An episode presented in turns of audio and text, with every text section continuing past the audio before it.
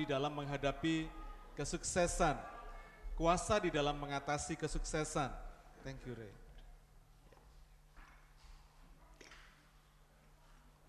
Thank you.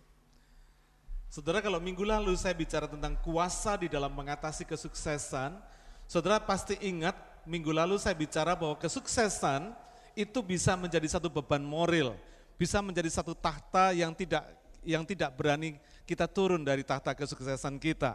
Nah hari ini saya akan bicara tentang bukan hanya bicara tentang bagaimana mengatasi tentang kesuksesan, hari ini saya akan bicara mengatasi kuasa untuk mengatasi persoalan. Saudara di dalam hidup ini penuh persoalan yang tidak kita harapkan, yang tidak pernah kita sangka, tetapi kadang-kadang terjadi susul menyusul, betul enggak saudara? Kadang terjadi kita enggak sangka, kita enggak kepingin, tiba-tiba kita sakit. Sakit belum sembuh, usaha kita rugi. Kerugian belum tertutup, eh suami kena PHK Suami belum dapat kerjaan, anak nggak lulus ujian. Saudara kadang-kadang terjadi persoalan-persoalan yang susul menyusul dalam kehidupan ini. Karena memang sebetulnya hidup ini adalah rangkaian persoalan. Saya percaya saudara. Selama kita masih hidup, kita pasti punya banyak persoalan. Karena hidup ini adalah rangkaian satu persoalan. Nah kalau sikap kita salah di dalam menghadapi persoalan-persoalan ini, di dalam mengatasi satu persoalan, maka kita akan bisa mengalami persoalan yang lebih besar lagi, saudara. Kalau kita nggak lulus, sebetulnya kita bisa ambil sikap yang positif, yaitu ya belajar supaya lulus, betul nggak saudara? Tapi coba kalau kita nggak lulus, terus sikap kita salah, kita langsung stres, frustrasi, depresi. Lalu kita keluar dari sekolah, maunya cari kerjaan. Tapi karena sekolah masih belum tinggi, susah dapat kerjaan. Enggak dapat kerjaan, akhirnya berbuat kriminal. Mau cari gampangnya supaya bisa dapat kerjaan. Habis buat kriminal, masuk penjara. Saudara lihat ya, mulainya dari persoalan cuman apa? Enggak lulus sekolah. Tapi kalau sikap kita salah dan kita mengambil langkah-langkah yang salah di dalam mengatasi persoalan kita, maka kita bisa mendapatkan persoalan yang lebih besar lagi, menjadi worse. Saudara, saya percaya bahwa tidak semua persoalan itu besar. Tapi saya yakin setiap persoalan itu penting. Kenapa saudara? Sebab Tuhan menggunakan setiap persoalan kita untuk mengembangkan karakter kita. Saudara ingat ya, tidak semua persoalan itu besar, tapi saya yakin persoalan itu penting dalam hidup kita. Karena Tuhan mau menggunakan persoalan-persoalan itu untuk membangun, mengembangkan karakter-karakter kita. Allah ingin supaya kita fokus kepada tujuan Allah di balik setiap persoalan itu. Allah mau supaya kita fokus kepada tujuan Allah di dalam persoalan-persoalan kita. Karena Allah sedang fokus di dalam membangun karakter kita, saudara. Kalau kita nggak fokus kepada tujuan Allah di balik persoalan itu, atau yang ada di dalam masalah-masalah persoalan kita, maka Allah tidak akan pernah bisa membangun karakter kita. Karena dalam setiap persoalan Allah sedang fokus untuk membentuk karakter kita, membangunnya, supaya kita menjadi serupa dengan Yesus. Saudara, karena berapa besar pun persoalan kita, fana kok saudara. Tapi karakter kita kekal. Saudara punya persoalan sebesar apa pun, nanti selesainya pasti di lubang dua kali satu meter, betul nggak? Selesai, sampai di situ selesai, nggak akan saudara bawa persoalan saudara ke sorga. Saudara nggak akan pernah bawa biru saudara ke sorga. Atau nggak akan pernah bawa urusan saudara ke sorga, sambil lapor sama Tuhan, enggak. Persoalan saudara akan selesai, tetapi karakter saudara lah yang akan menghadap Tuhan. Betul nggak? Saudara menghadap Tuhan itu dengan karakter yang model gimana? Yang model kekanak-kanaan atau menghadap Tuhan dengan karakter yang dewasa di dalam Tuhan. Ini yang menjadi fokus Tuhan. Jadi biasanya manusia itu ketika punya persoalan, dia fokusnya pada persoalan. Beda dengan Tuhan. Tuhan fokusnya pada karakter kita.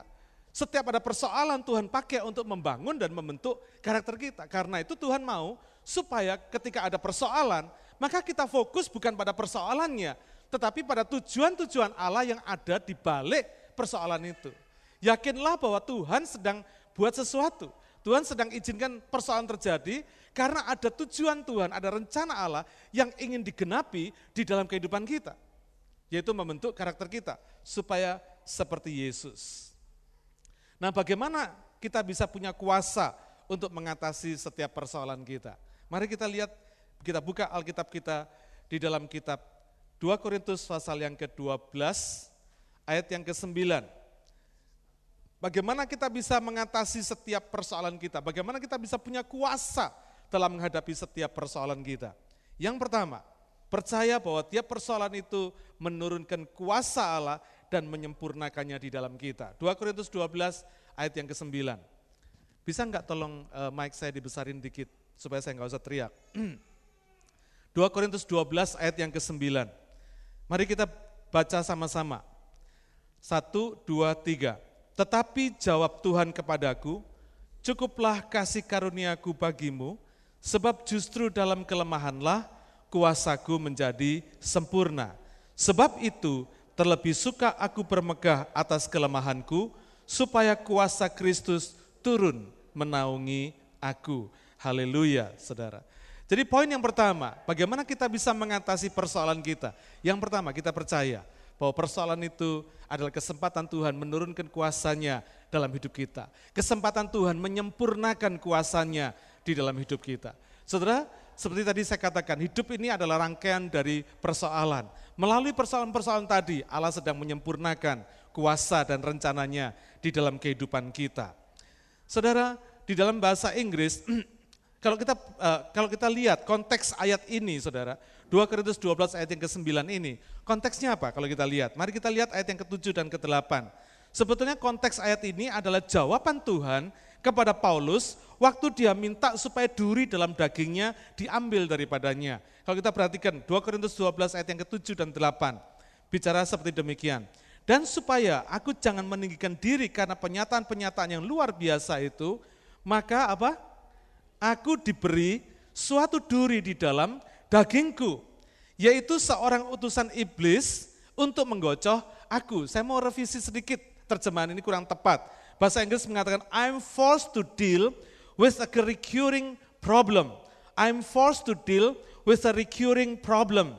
Jadi bukan seorang utusan iblis mestinya saudara. Problem ya, supaya aku jangan meninggikan diri. Tentang hal itu, aku sudah tiga kali berseru kepada Tuhan, supaya utusan iblis itu mundur daripadaku.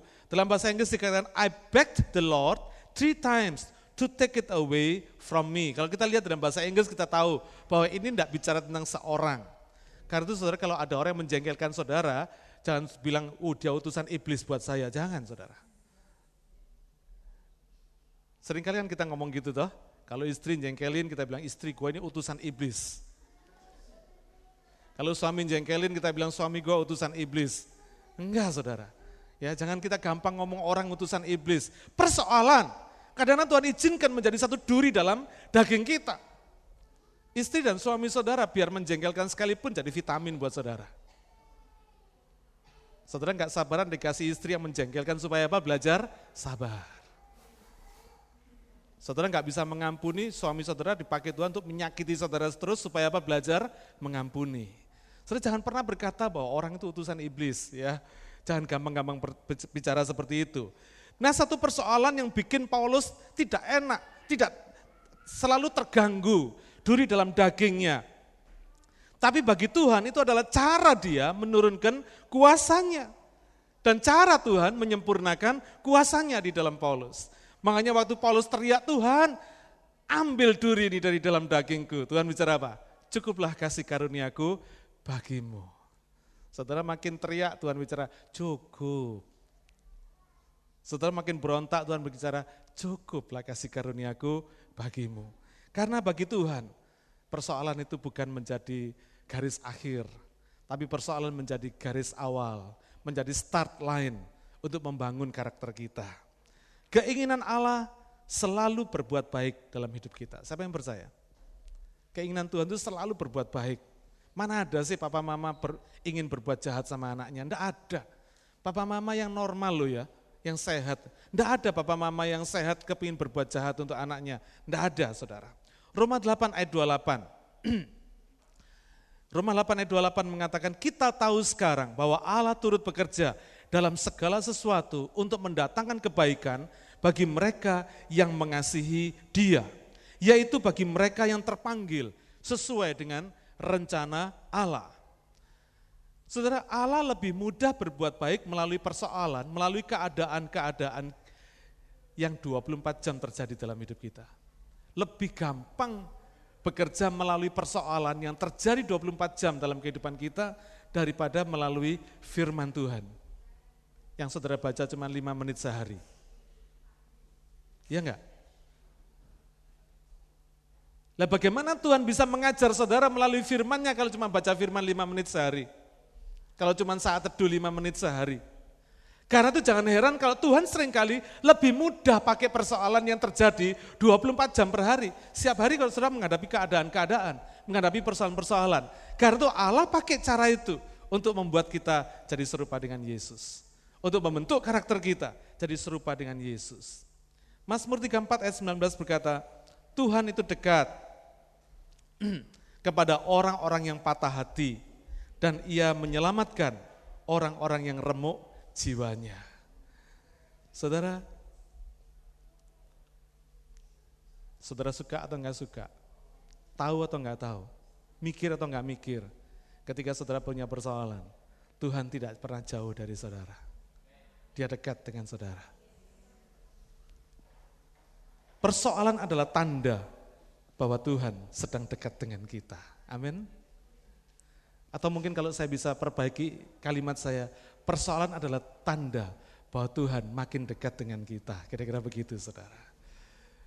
Karena itu kalau Tuhan makin dekat dengan kita, maka mestinya kita juga harus makin dekat kepadanya.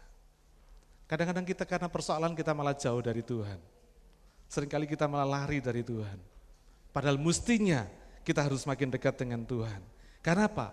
Karena dia sedang mencurahkan kuasanya dalam hidup kita sedang mencurahkan kuasanya dan sedang menyempurnakannya di dalam kita. Seorang hamba Tuhan bernama Johnny Erikson Tada, dia berkata begini, ketika hidup ini menyenangkan, kita hanya tahu tentang Yesus, baru tahu. Tapi ketika kita menghadapi persoalan, kita kenal dia. Saudara kadang-kadang kita nggak pernah kenal Yesus sebelum kita betul-betul masuk dalam persoalan. Kita cuma tahu bahwa Tuhan itu baik. Tuhan itu mau menolong kita. Tuhan itu maha pengasih dan sebagainya. Tapi ketika sudah punya persoalan, saudara baru kenal dia, baru mengalami dia. Betapa baiknya Tuhan karena persoalan. Amin. Karena persoalan-persoalan kita, kita baru kenal dia seutuhnya.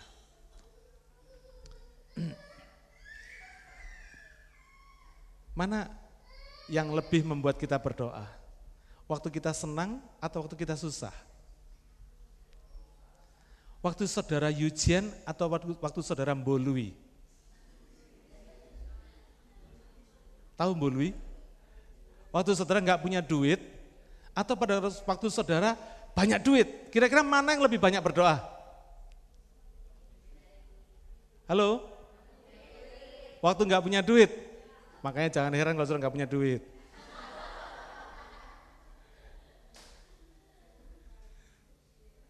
Waktu saudara bokeh, itulah saatnya saudara dekat sama Tuhan. Bukan tambah kerja lembur, bukan saudara. Seringkali kita nangkep persoalan itu, kita nangkepnya salah. Tuhan mau kita dekat sama Tuhan, malah kita dekat sama kerjaan. Saudara, doa kita akan makin banyak ketika kita punya persoalan. Dan doa kita juga akan makin powerful waktu kita punya persoalan. Waktu saudara berdoa sambil meneteskan air mata, oh itu powerful saudara. itu powerful. Saudara, sering kali karakter kita dibentuk oleh karena ada persoalan. Ketika orang nggak nyakiti saudara, saudara nggak akan pernah belajar untuk mengampuni. Ketika orang nggak ngejak duit saudara, saudara nggak akan pernah belajar untuk murah hati. Ketika saudara tidak pernah dikhianati, saudara nggak pernah belajar untuk setia. Allah itu menggunakan persoalan. Maka tadi saya bilang, semua persoalan belum tentu persoalan yang besar. Tapi semua persoalan adalah persoalan yang penting. Kenapa? Karena Allah mau campur tangan untuk mendatangkan kebaikan dalam kehidupan kita. Supaya kita serupa dengan dia. Persoalan akan mendorong kita rindu dan mengharapkan campur tangan Tuhan yang lebih besar lagi. Saudara saya nggak bilang orang Kristen nggak rindu mengharapkan Tuhan campur tangan, enggak. Tapi ketika dia dalam persoalan, dia rindunya luar biasa saudara. Dia ngebet sekali. Dia cari Tuhan betul-betul ketika dia punya persoalan. Biasanya orang doa puasa kalau punya persoalan, ya toh? Biasanya cuma doa atau nggak pakai puasa, karena apa? Belum punya persoalan. Mulai sekarang sebelum saudara punya persoalan, berdoalah dan berpuasalah. Kira-kira begitu saudara. Belajar latihan supaya Tuhan membentuk karakter kita. Gak harus lewat persoalan. Saya selalu ngomong sama Tuhan, Tuhan mbok kasihani kita lah. Anak-anakmu ini kenapa sih kamu mesti diajar lewat persoalan? Kata Tuhan habis kamu males sih. Gak mau belajar firman Tuhan. Saudara saya yakin, ini betul-betul yakin. Kalau saudara makin banyak Saudara belajar firman Tuhan, saudara merenungkan firman Tuhan. Tuhan itu nggak perlu ngajar saudara lewat persoalan. Karena sebagian besar persoalan kita itu sudah ada sebetulnya jawabannya di dalam persoalan ada dalam firman Tuhan. Makanya nggak perlu sebetulnya Tuhan kasih kita persoalan kalau kita mau belajar sama Tuhan, belajar firman Tuhan, merenungkan firman Tuhan, maka Tuhan akan lebih mudah mengajar saudara. Memang ada persoalan-persoalan tertentu, ada pengajaran-pengajaran tertentu yang kita mesti belajar dari pengalaman. Tetapi sebagian besar firman Tuhan punya jawabannya. Jangan males belajar firman Tuhan. Allah bisa melepaskan Daniel dari lubang singa? Bisa. Allah juga bisa melepaskan Sadrah, Mesa, Abednego dari dapur api? Bisa. Sadrah, Mesa, Abednego waktu mau dimasukin dapur api, dia ngomong sama uh, Nebukadnezar bilang begini, Raja dengerin ya, Allahku, aku percaya, Allahku sanggup melepaskan aku dari dapur api ini. Tapi andai kata toh dia tidak melepaskan aku, aku tidak akan menyembah patung buatan Tuanku. Masuk dapur api, saudara. Allah bisa melepaskan Sadra Mesa Abednego, tidak usah masuk dapur api. Bisa. Tapi Allah izinkan mereka masuk dapur api. Allah bisa melepaskan Paulus, gak usah dia mengalami karam kapal sampai tiga kali. Saudara belum pernah mengalami karam kapal ya. Kalau pasti tengah laut sudah mengalami karam kapal. Saudara. Allah bisa. Paulus gak usah mengalami karam kapal sampai tiga kali. Bisa melepaskan. Tapi coba lihat apa yang terjadi. Ketika Daniel keluar dari lubang singa. Ketika Sadra Mesa Abednego keluar dari dapur perapian. Jadi penguasa-penguasa Mesir, saudara, betul? Eh, sorry, jadi penguasa-penguasa di Babel. Ketika Paulus selesai lewat dari karam kapal tiga kali, menimbulkan ketekunan buat Paulus untuk apa? Mengabarkan Injil ke Roma. Dan dia berhasil sampai ke Roma.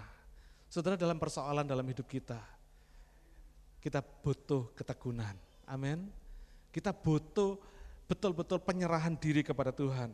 Supaya melalui persoalan, maka Tuhan membentuk kita. Kalau kita lari dari persoalan, maka kita persoalan itu makin lama loh saudara. Prosesnya makin lama.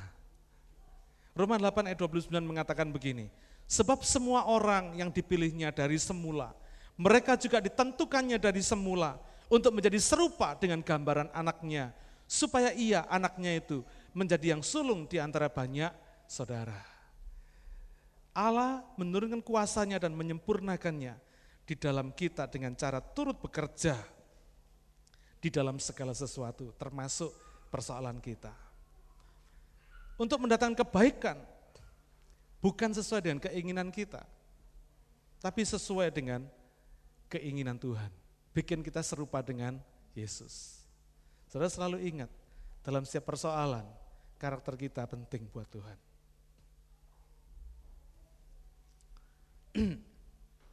Pertanyaan saya sekarang, saudara.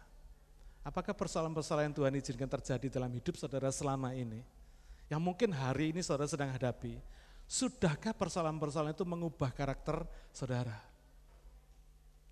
Saudara dikasih istri yang menjengkelkan, sudahkah saudara sabar? Atau malah saudara bersungut-sungut? Saudara dikasih suami yang menyakitkan hati saudara, apakah saudara terbentuk karakternya karena suami saudara? Atau saudara malah ngerasani suami saudara di luar. Ada banyak loh istri-istri yang ngerasani suaminya di luar.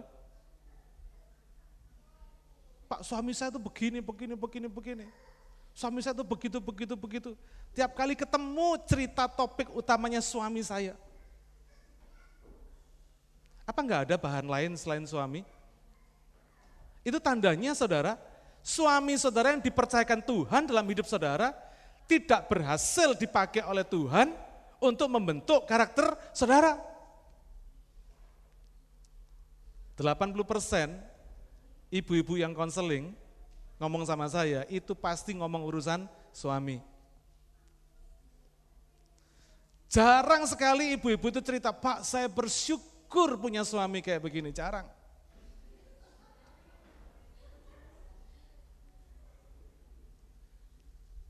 Kebanyakan tanyanya begini, kenapa sih Pak Tuhan kok ngasih saya suami model begini? Lalu saya saya cuma ngomong joke sama dia. Lah kalau suami model begini aja belum sanggup membentuk karaktermu, Tuhan mau kasih kamu suami yang bagaimana lagi saya bilang. Saudara kadang-kadang kita diperhadapkan pada keadaan-keadaan yang sulit. Karena karakter kita juga sulit. Betul nggak saudara? Ayo keras-kerasan kepala sama palu godam Tuhan. Kira-kira mana yang lebih keras saudara? Keras kepala kita atau palu godam Tuhan buat membentuk kita?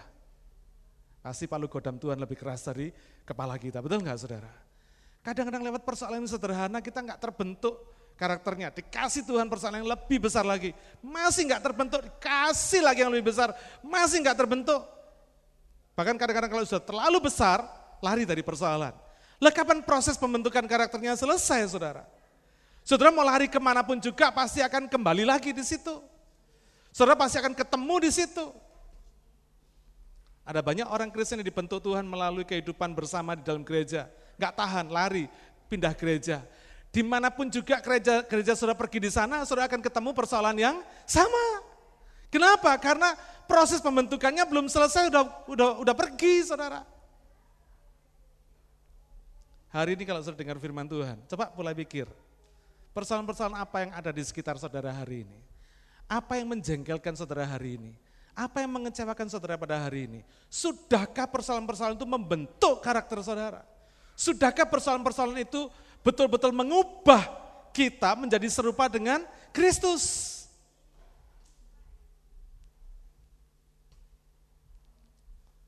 Kenapa banyak suami belum bertobat? Karena banyak istri yang juga belum bertobat. Betul nggak? Karena banyak istri yang belum terbentuk karakternya oleh karena kehidupan rumah tangganya. Tapi saya percaya, sesuai dengan firman Tuhan, suami itu dikuduskan oleh karena kesucian istrinya, saudara.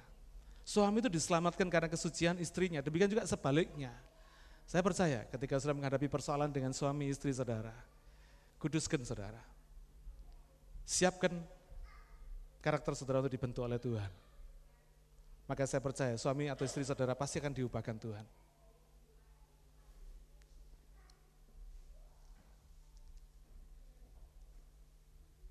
Pertanyaan saya kedua, seberapa besar saudara mengalami kuasa Tuhan di dalam persoalan saudara?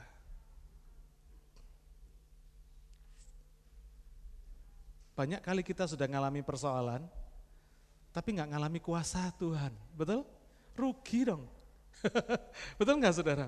Karena persoalan itu kesempatan Tuhan menurunkan kuasanya, menyempurnakan kuasanya. Nah seberapa besar kuasa Tuhan yang sudah saudara alami melalui persoalan saudara. Saudara sudah mengalami persoalan tapi nggak mengalami kuasa Tuhan di dalam persoalan saudara, rugi besar.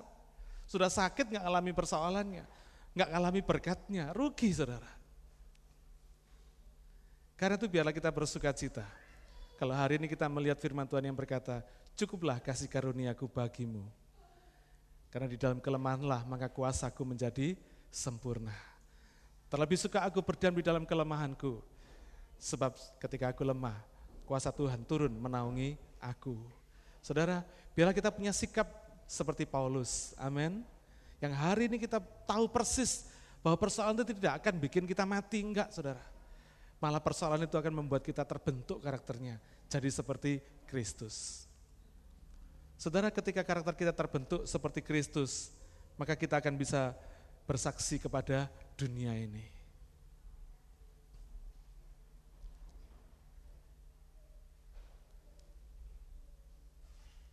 Dunia ini sebetulnya melihat orang Kristen dari mana saudara?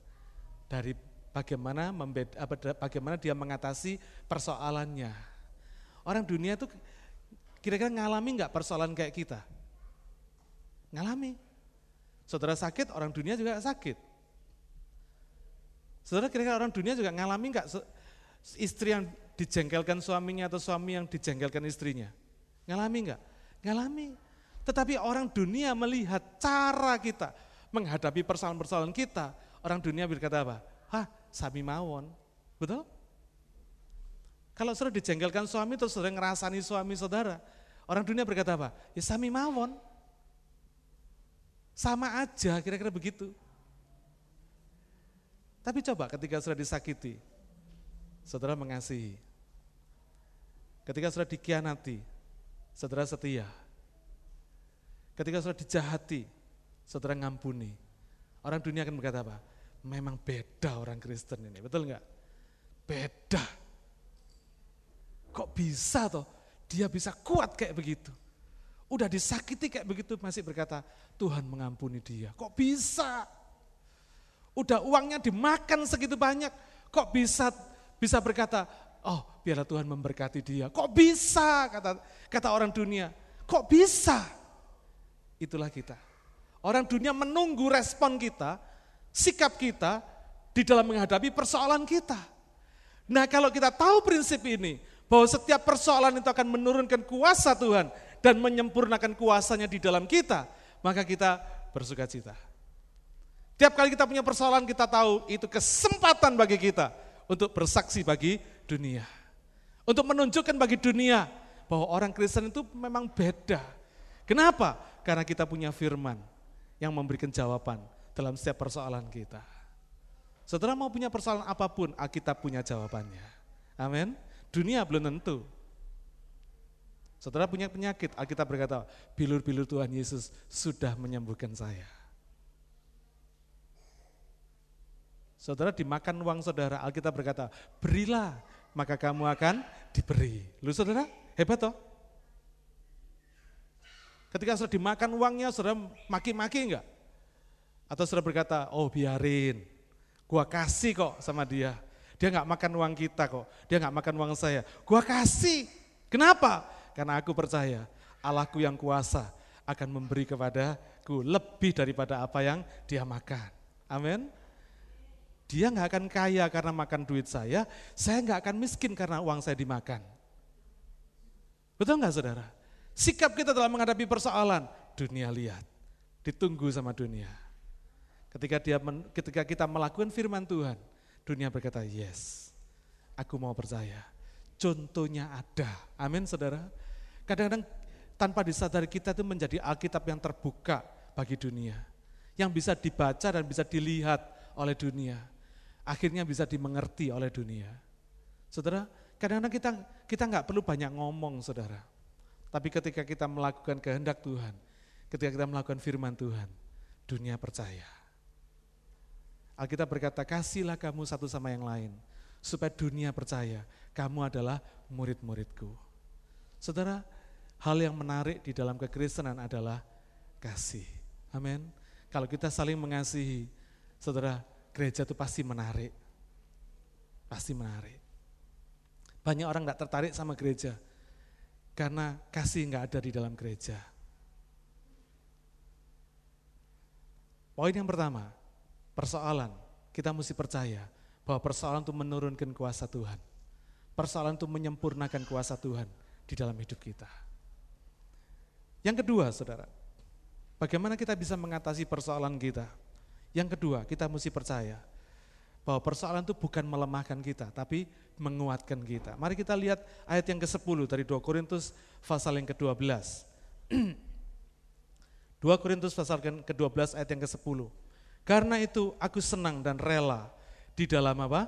Kelemahan, di dalam siksaan, di dalam kesukaran, di dalam penganiayaan dan kesesakan oleh karena Kristus. Sebab jika aku lemah, maka aku kuat. Saudara, tidak ada satupun persoalan yang terjadi atas hidup kita kalau Tuhan tidak izinkan. Meskipun tidak semua persoalan Tuhan kehendaki, tapi saya percaya dalam kehidupan anak Tuhan, setiap persoalan yang terjadi Tuhan izinkan. Tuhan nggak suruh saudara ngebut, nggak suruh saudara untuk speeding, tapi Tuhan izinkan ketika sudah ngebut, ketika sudah speeding, tangkap polisi. Tuhan izinkan. Habis tangkap polisi terus bayar penalti, ya kan? Tuhan izinkan saudara. Supaya apa? Tujuannya Tuhan baik. Kalau saudara ngebut terus, nggak ketangkep polisi terus, saudara makin lama makin ngebut, betul nggak? Jalan 120 nggak ketangkep. Tanpa terasa, saudara kan jalan 140. Nggak ketangkep lagi, jalan 160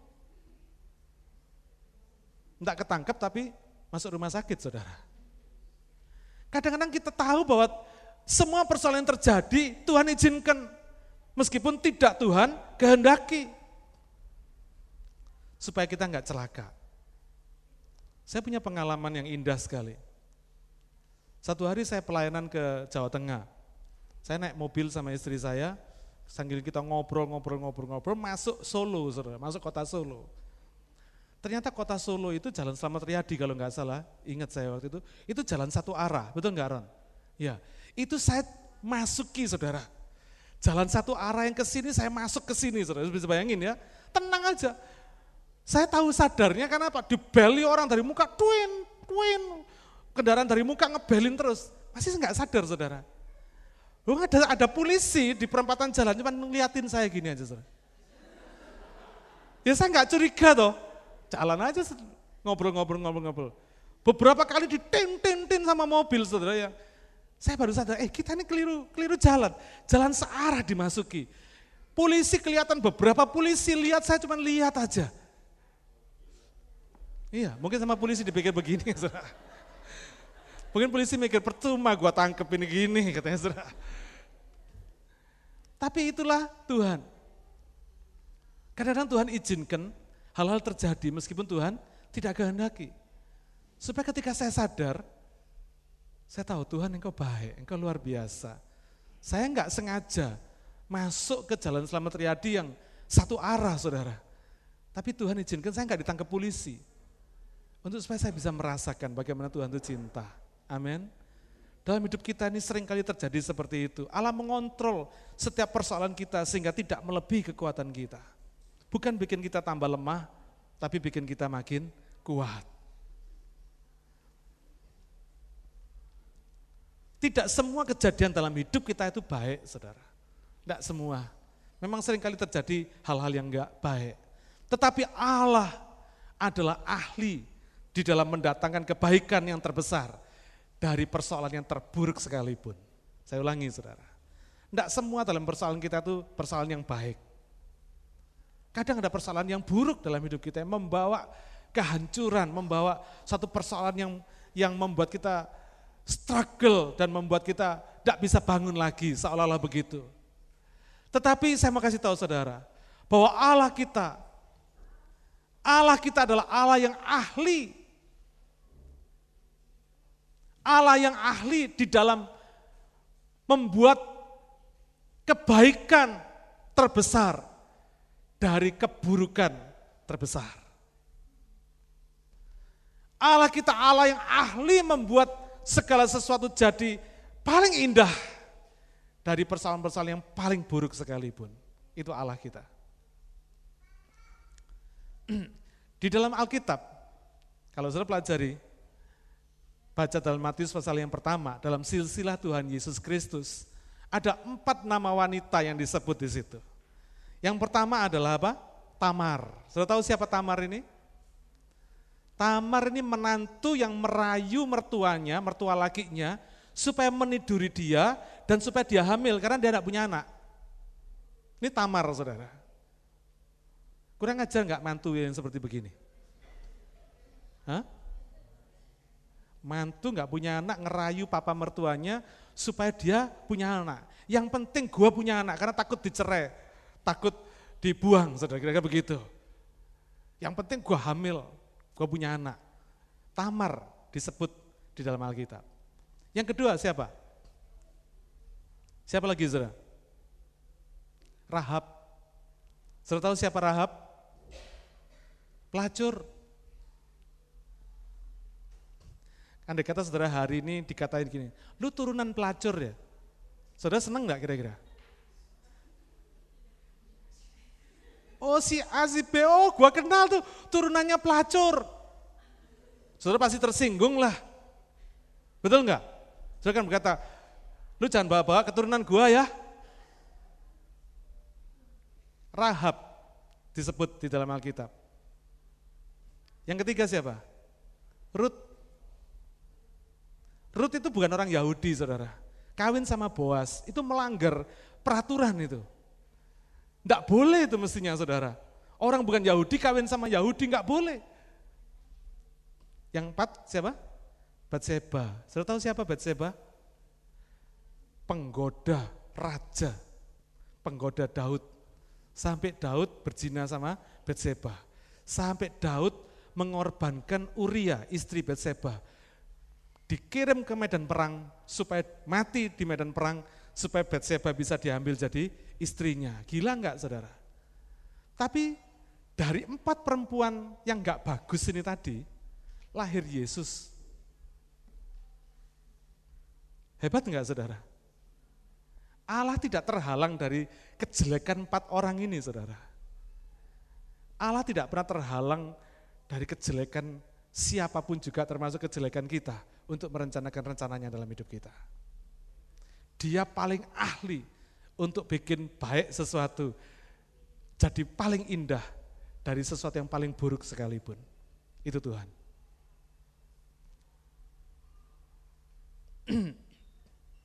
Tujuan Allah untuk memberikan yang terbaik pada kita lebih penting, lebih besar dari semua persoalan kita.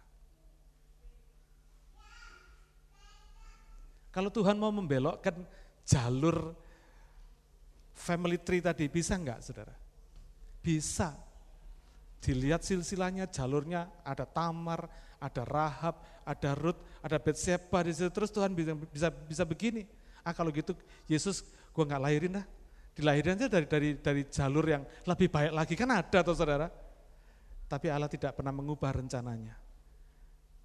Yang terjelek sekalipun bisa jadi yang terbaik buat Tuhan. Hari ini kalau sudah mengalami peristiwa-peristiwa terjelek dalam hidup saudara, jangan pernah putus asa. Amin. Pengalaman terpahit apa pun dalam hidup saudara, yakinlah Tuhan mampu membuatnya jadi yang terindah. Dia ahlinya. Dia ahlinya, saudara. Karena itu saya tidak pernah mundur dengan persoalan. Persoalan boleh menerpa hidup saya. Saya tetap akan maju. Karena saya tahu dia ahlinya. Dia ahli untuk membuat persoalan yang paling jelek sekalipun jadi berkat yang paling besar dan paling baik dalam hidup saya. Amin. Haleluya. Ayub 23 ayat 10 mengatakan, karena ia tahu jalan hidupku, ia Tuhan maksudnya, tahu jalan hidupku. Seandainya ia Tuhan menguji aku, aku akan timbul seperti emas. Saudara ketika Tuhan menguji saudara, ketika Tuhan izinkan persoalan itu datang, yakinlah dia akan membuat saudara seperti emas. Satu hari seorang anak datang kepada pengrajin emas. Lihat bagaimana pengrajin emas ini memurnikan emas. Dibakar terus, dibakar terus. Begitu emas dibakar, kotorannya naik ke atas, emasnya turun ke bawah. Kotorannya diambilin. Dipanaskan lebih panas lagi. Kotorannya naik lagi, diambilin lagi, dipanaskan lagi. Anak ini heran, lalu dia tanya sama pengrajin emas, Pak, Mau dipanaskan berapa lama ini? Berapa panas lagi ini? Lalu pengrajin emas ini berkata pada anak ini, nak saya akan panaskan ini makin lama makin panas sampai wajah saya bisa kelihatan di dalam di dalam apa pemanasan emas ini. Baru saya akan berhenti. Saudara kadang-kadang hidup kita ini bandel, kita ini bandel saudara. Dikasih persoalan sama Tuhan nggak berubah. Kasih lagi yang lebih berat lagi nggak berubah Kasih lagi yang berat lagi enggak berubah. Ketika wajah Tuhan tidak bisa kelihatan dalam hidup kita, ketika karakter Tuhan tidak terbentuk di dalam karakter kita, persoalan akan terus diajar sama Tuhan. Terus dipakai Tuhan untuk memurnikan kita seperti emas. Amin. Karena itu biarlah kita punya hati yang lunak, saudara. Kalau Tuhan sedang mengajar kita, biarlah kita betul-betul punya hati yang mau diajar. Tidak perlu Tuhan mengajar kita dengan api yang semakin panas. Cukup anget-anget aja kita sudah ngerti saudara, maksudnya ngerti ya. Sehingga terbentuklah wajah Tuhan dalam hidup kita. Maksudnya apa? Ketika orang melihat saudara, biarlah dia merasakan hidup kita ini punya karakter Kristus. Saudara kadang orang itu nggak nggak perlu bicara, deket aja, saudara deket dengan orang yang punya karakter Kristus, saudara bisa rasakan bahwa orang ini punya karakter Kristus di dalam hidupnya. Persoalan kita akan bikin kita bisa melihat bayangan Kristus di dalam hidup kita sendiri. Dan orang lain bisa melihat juga bayangan Kristus di dalam hidup kita. Karena itu biarlah kita fokus pada rencana Allah, bukan pada persoalan kita. Corrie ten Boom, seorang Yahudi yang sempat masuk kem tawanan nasi, disiksa di situ. Keluarganya dibunuh di muka matanya. Dia menulis sebuah buku dan dia berkata begini, kalau aku lihat dunia, aku akan menderita. Karena dunia ini begitu kejam. Saudara jangan pernah mengharap dunia ini baik-baik sama saudara. Tidak akan. Einstein itu ngomong, kalau saudara nggak keras sama diri saudara, dunia ini akan keras sama saudara. Tapi kalau kita keras dengan diri kita sendiri, dunia ini akan lunak sama kita. Nah Corrie ten ini berkata, kalau aku lihat dunia, aku pasti akan menderita, karena dunia ini jahat. Kalau aku lihat diriku sendiri, aku frustrasi dan tertekan. Karena aku melihat ketidakmampuanku dan kelemahanku. Tapi dia berkata, kalau aku lihat Tuhan, hatiku tenang. Kenapa? Karena aku bisa mempercayai dia.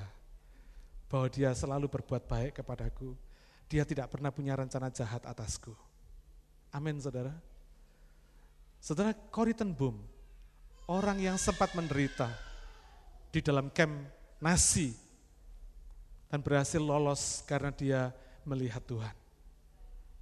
Saudara dalam hidup kita ini kita diizinkan Tuhan sering kali masuk dalam persoalan-persoalan yang dikontrol sama Tuhan. Bukan membuat kita makin hancur, enggak, tapi makin kuat. Bukan bikin kita lemah, tapi bikin kita kuat. Karena itu biarlah kita ingat 1 Tesalonika 5 ayat 18 yang berkata demikian, mengucap syukurlah dalam segala hal.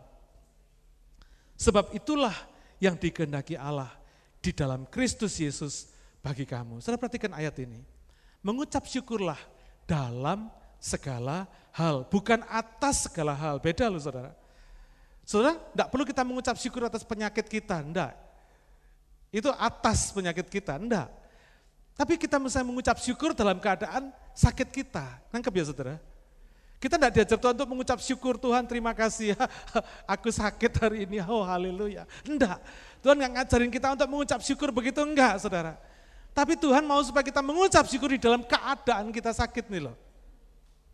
Dalam segala hal, dalam keadaan kita sakit. Bukan atas segala hal. Bukan atas dosa, bukan atas penyakit, bukan atas yang lain-lain. Karena Allah pakai semua persoalan itu untuk bikin kita makin kuat dan serupa karakter Yesus. Itu untuk mengenapi tujuannya. Karena itu 1 Tesalonika 5 ayat 18 mengucap syukurlah selalu dalam segala hal. Dalam keadaan apa pun. Nah pembentukan karakter kita ini adalah suatu proses yang lama, saudara. Saudara mesti sadari, proses yang lama dan lambat. Sudah lambat, lama. Saya pernah tanya tuh sama, sama saudara, siapa yang bisa ngangkat cangkir ini? Siapa yang bisa ngangkat? Tidak ada yang bisa ngangkat? Bisa kan? Kalau saya tanya, saudara pasti angkat tangan semua, saya bisa ngangkat. Tapi saya mau tanya sama saudara, bisa nggak saudara ngangkat gini ini selama empat tahun? Belum tentu bisa, betul nggak? Logikanya apa saudara? Persoalan kita nggak tergantung berapa besar kecilnya persoalan kita, nggak tergantung pada berat ringannya persoalan kita, tapi berapa lamanya kita menanggung persoalan kita, betul nggak? Saudara mampu ngangkat cengkir ini, kalau cuma satu menit. Atau mungkin satu jam. Kalau empat tahun belum tentu kuat saudara. Mungkin perlu panggil ambulans sampai ke sini. Saudara persoalan kita juga begitu. Jangan lihat besar kecilnya, jangan lihat keras lunaknya, jangan lihat ringan beratnya. Akalnya pembicara buat minum. Bikin ilustrasi. Tetapi sudah harus ingat berapa lamanya kita menanggung persoalan kita. Makanya ketika Tuhan mau membentuk persoalan kita, eh, membentuk karakter kita melalui persoalan kita, cepat-cepatlah berubah. Nangkep ya saudara? Biar nggak usah terlalu lama kita ini mesti megang persoalan. Kalau persoalan dipakai Tuhan untuk membuat pembentukan karakter kita dan karakter kita terbentuk, selesai saudara. Nggak usah lama-lama. Kalau enggak dipanjer sama Tuhan, suruh megangi terus. Kuat-kuatan sama Tuhan, pasti kuat Tuhan saudara.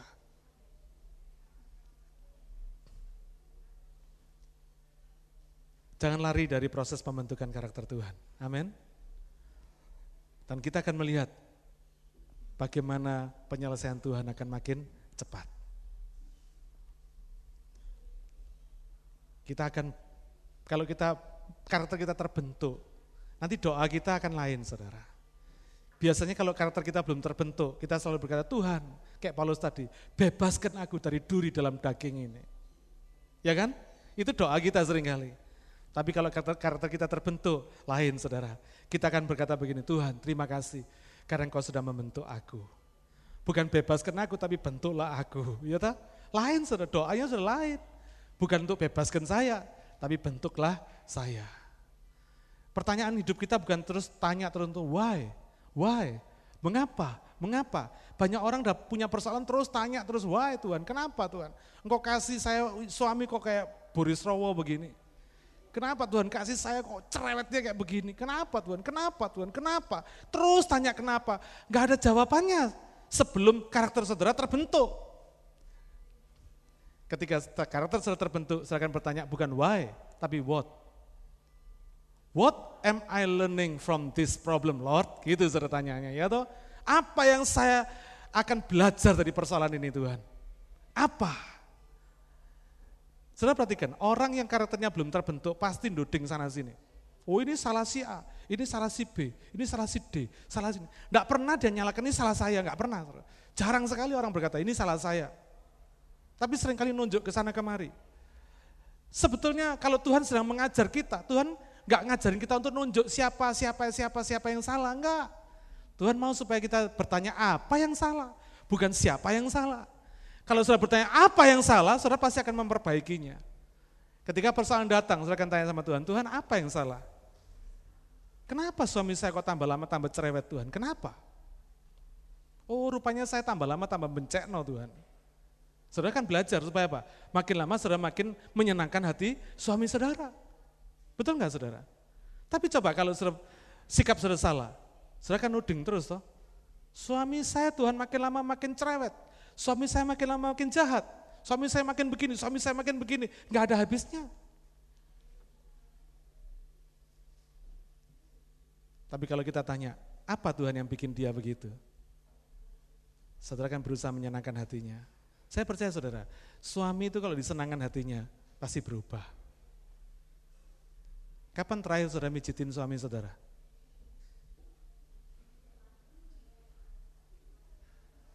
Mungkin saudara berkata, oh kita kan sama repotnya pak. Di Australia ini kan sama repotnya Pak. Saya kerja, suami saya kerja. Saya mau kasih tahu saudara, meskipun suami saudara kerja dan saudara kerja, suami itu seneng loh dipijitin saudara. Betul enggak? Suami itu seneng saudara, biarpun cuman cuman mak mak mak mak mak. Tapi seneng saudara. Betul. Suami saudara juga seneng dimasakin, saudara itu seneng. Kalau ada suami yang nggak senang dimasakin istrinya, nggak normal itu. Suami yang normal pasti suka dimasakin istrinya, betul nggak? Coba saya mau tanya suami-suami, seneng nggak dimasakin istrinya? Oh, seneng. Biar manis, asem, pahit, kecut, suami itu suka saudara. Meskipun dalam hati berkata, kok manis ya? Kok kecut ya? Kok asin ya? Tapi suka saudara, pasti suka. Tapi sering kali banyak istri malas masakin suaminya.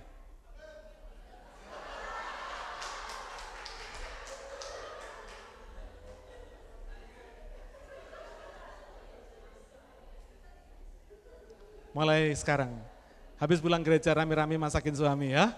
Haleluya. Biar suami saudara tambah sayang sama saudara. Saudara pernah dengar nggak peribahasa ini? Memenangkan orang dari makanannya.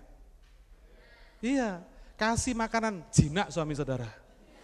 Iya saudara, betul. Udah gak akan ke mana-mana. Gak akan lirik ke sana kemari, gak akan saudara. Pasti jinak tinggal di rumah saudara. Dan saudara pasti akan aman. Amin. Haleluya. Yang pertama, persoalan itu bagaimana kita bisa mengatasi persoalan kita. Bagaimana kuasa mengatasi persoalan itu bisa kita miliki. Yang pertama kita percaya bahwa persoalan itu menurunkan kuasa Tuhan menyempurnakan kuasa Tuhan dalam hidup kita.